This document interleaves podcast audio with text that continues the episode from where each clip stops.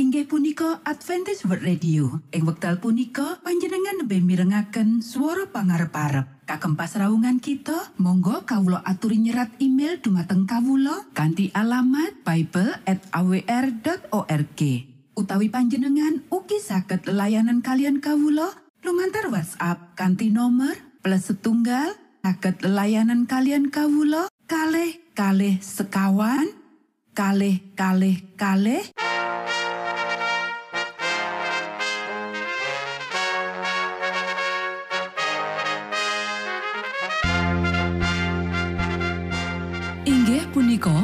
Adventist World Radio ingkang giaran kanthi basa Jawi. Tentrem Rahayu kula aturaken kagem para mitra kinasih ing pundi papan lan panggonan. Sugeng pepanggian malih kalian Adventist World Radio. Kanti bingahing manah Kulo badhe sesarengan kalian para mitra kinasih lumantar saperangan adicara ingkang sampun rinonci mligi kagem panjenengan sami.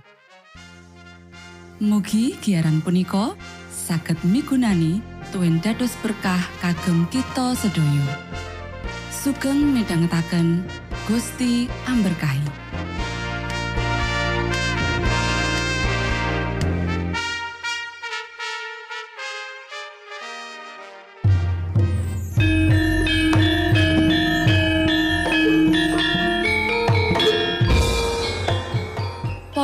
pamirsa kinasih ing Gusti Yesus Kristus. Ing wekdal punika kita badhe sesarengan ing adicara ruang kesehatan. Ingkang saestu migunani kagem panjenengan saha kita sami. Tips utawi pitedah ingkang dipun aturaken ing program punika tetales dawuhipun Gusti ingkang dipunnyatakaken ing kitab suci. Semanten ugi sakehing seratan ingkang dipun wangsitaken dening Gusti Allah. Nanging saderengipun, monggo kita sami midhangetaken kidung pujian.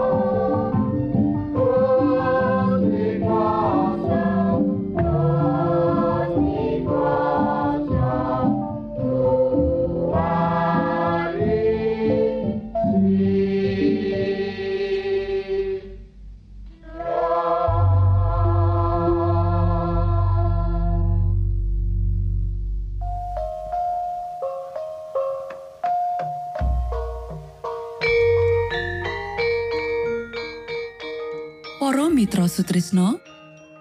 Puji syukur dumateng Gusti ingkang murbeng dumati ingkang sampun kepareng paring wewenngan kagem kita. Satemah saged nglajengaken ruang kesehatan. Pirembakan kita semangke kanthi irah-irahan. Panganan sehat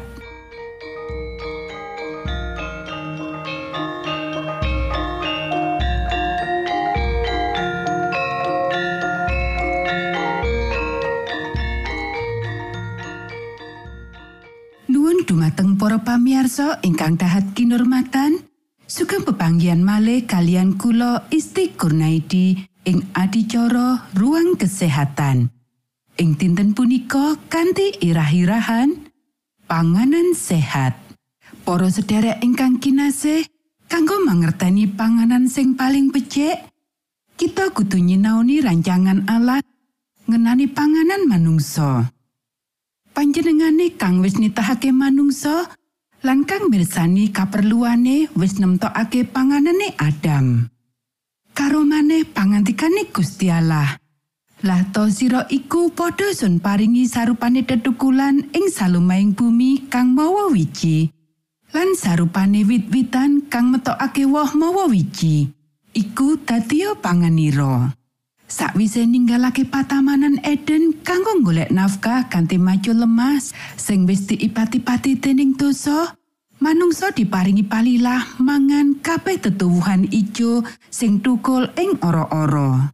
Para sederek ingkang kinasih, wiji-wijian, woh-wohan, kacang-kacangan, lan jejanganan ya iku panganan sing dipilih sang pangripta kanggo kita.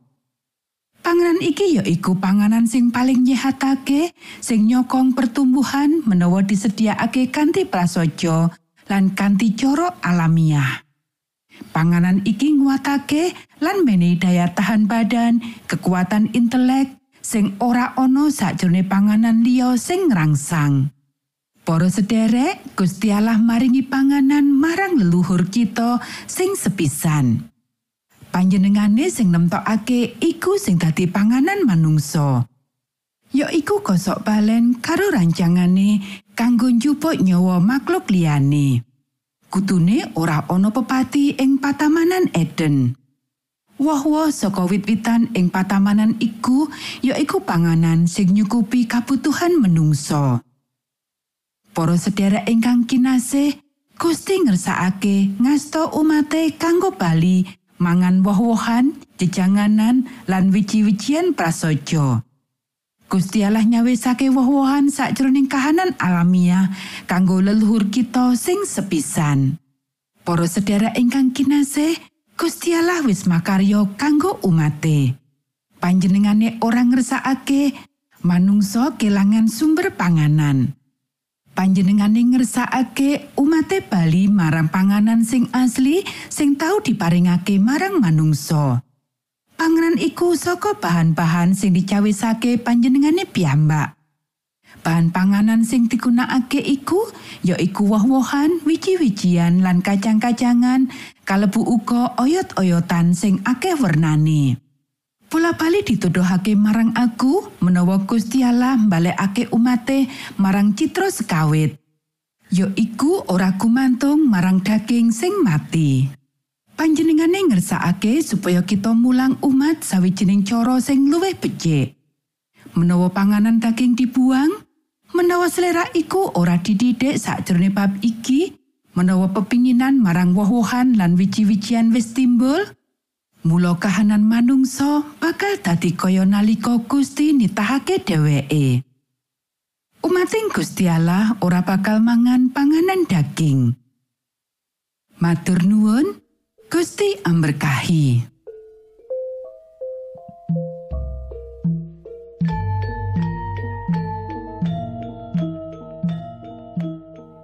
Cekap semanten pimbakan ruang kesehatan ing episode dinten punika. Ugi sampun kuatos jalaran kita badhe pinanggih malih ing episode sak lajengipun.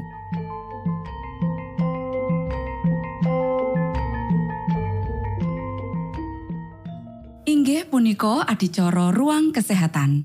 Menawi panjenengan gadah pitakenan utawi ngersakaken katrangan ingkang langkung, monggo kulo aturi kinton email dateng alamat ejcawr@ gmail.com utawi lumantar WhatsApp kanti nomor 025 pitu 00 songo songo papat 00 pitu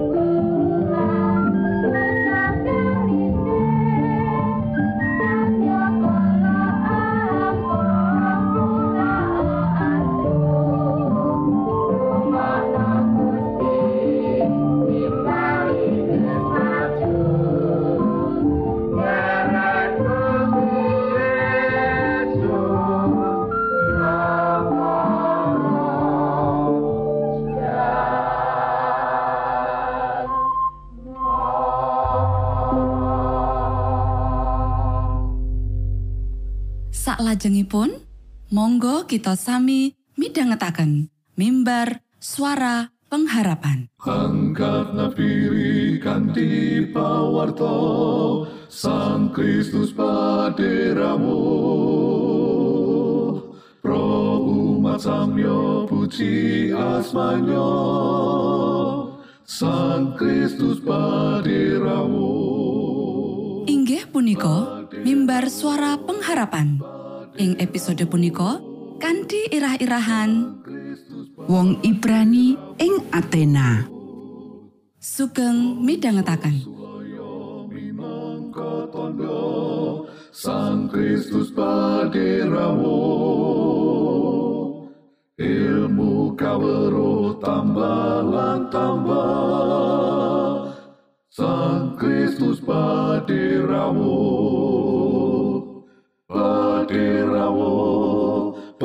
paderamu Sang Kristus paderamu Shalom para pamirsa ingkang kinasih wonten ing Gusti. Sakmenika kita badhe mitangetaken renungan Sabda pangantikanipun Gusti. Ing dinten punika kanthi irah-irahan wong Ibrani ing Athena. Para sedherek ingkang kinasih, ayo diwaca Kitab lelakoni para rasul pasal pitulas ayat 10 nganti 15. Nanging ing bengi iku uga Rasul Paulus lan Silas diaturi dening para sedulur ing kono supaya enggal tindak menyang ing kutha Berea. Sarawe ing kono banjur padha tindak menyang ing papan pangibadahe wong Yahudi. Wong-wong Yahudi ing kutha kono atine padha luwih becik tinimbang para wong Yahudi ing Tesalonika. Sabab padha nampani pangandika kalawan ikhlasing ati sarta saben dina padha niti preksa kitab suci supaya bisa sumurup apa iku kabeh wis bener mangkono. Akeh panunggalane kang mancing pracaya uga ora sedidik panunggalane golongan kaputren lan kakung luhur bangsa Yunani. Nanging bareng wong-wong Yahudi ing Tesalonika padha ngerti yen Rasul Paulus ana ing kutha Berea uga martakake pangantikaning Allah, banjur padha teka mrono ngobong lan gorehake atine wong akeh. Nanging para sadulur banjur padha ngaturi Rasul Paulus supaya enggal tindak menyang ing pasisir segara nanging Silas lan Timotius isih padha keri ana ing kutha Berea. Wong-wong kang ngeterake Rasul Paulus padha nderek tekan ing kutha Athena, banjur padha bali kalawan diweling supaya Silas lan Timotius enggal padha nusul. Para sedherek ingkang kinasih, kutha Athena wis kapisungsungake kanggo para dewa. Kita bisa maca ing lelakoni para rasul pasal pitulas ayat 16. Mangerteni bab sejarah bangsane dhewe lan pakulinane para wong ing kono, Rasul Paulus rumangsa sungkawa banget karena sakabehing prahala kang slirane temokake ing kutha Athena uga. Tanpa pitakonan, Paulus kadereng awit saka panjurunge katresnane marang kutha Athena kuwi kang bakal mati saka dosane menawa wong-wong Athena ora sinau babagan Allah kang bener. Para sederek, kutha-kutha kita uga akeh brahala. Senadyan brahala-brahala iku ora cetha kaya kang Rasul Paulus bersani. Lan eman banget akeh wong percaya kang biasa mlaku ing dalanan sawijining kutha nanging ora ana reaksine babar pisan menggahing brahala-brahala kang ana ing kutha kuwi. Nanging Rasul Paulus nduweni rasa menggahing Roh Kudus kanggo ngadepi babagan kaya ngono.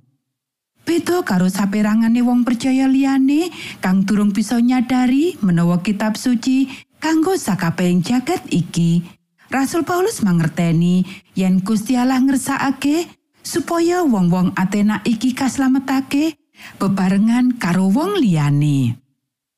Panjenengane uga mangerteni menawa konsepe misi global kuwi ya iku kanggo nggawa Injil marang wong-wong kang nyata-nyata durung kakayuh kalebu wong-wong kafir kang manembah brahala sarta uga para filsuf kang ngebaki embong-embong ing kutha Athena. Mulane Rasul Paulus asring mara ing pasar-pasar ing endi wong-wong iki ana. Uga bisa diarani Rasul Paulus iki kang mangun punjer pasinaon misi global utawa pusat pembelajaran misi global kang wiwitan. Nalika sliraning gunakake pasar kanggo nyinau lan datar cara-carane kanggo nggayo ati lan pikiran saka wong-wong kafir iki.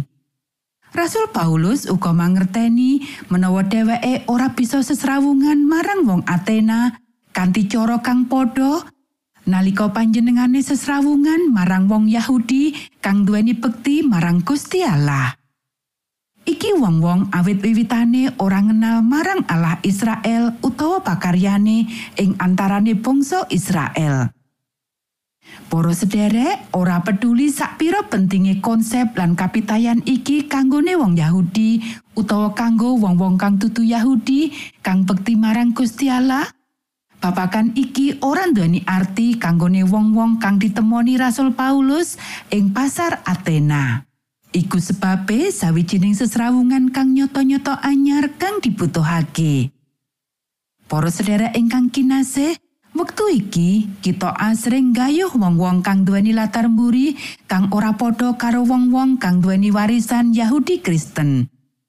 Iku sebabe kaya dene Rasul Paulus, kita perlu anane adaptasi.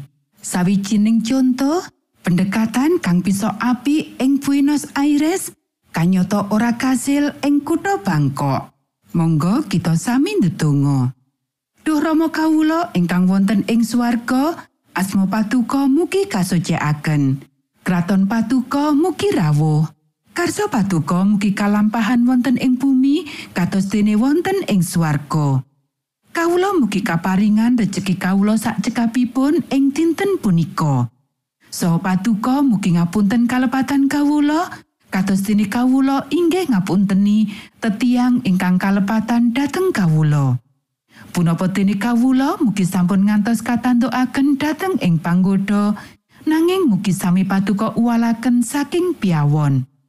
Awit dene patuko ingkang kagungan kraton saha wisesa tuwin kamulyan salami laminipun.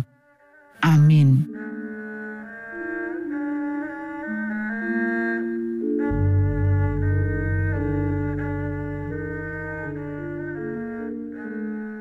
Mitra Sutrisno pamiarsa kinasih ing Gusti Yesus Kristus. Sampun paripurno pasamuan kita ing dinten punika. Menawi panjenengan gadah pitakenan utawi ngersaakan seri pelajaran Alkitab suara nubuatan Monggo Kulo aturi kinton email dateng alamat ejcawr at gmail.com utawi lumantar WhatsApp kanti nomor 025 pitu 00 songo songo papat 00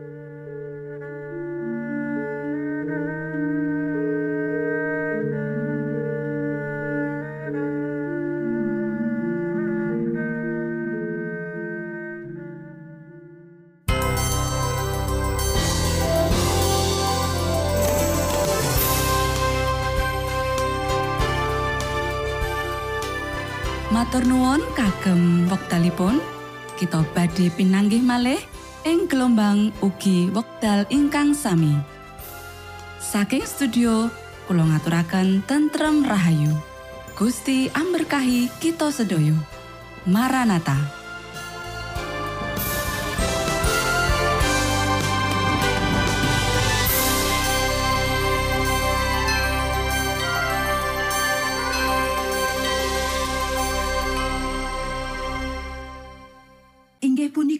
Adventist World Radio. Ing wekdal punika panjenengan lebih mirengaken swara pangarep-arep. Kagem pasraungan kita, monggo kawula aturi nyerat email dumateng kawula kanthi alamat bible@awr.org.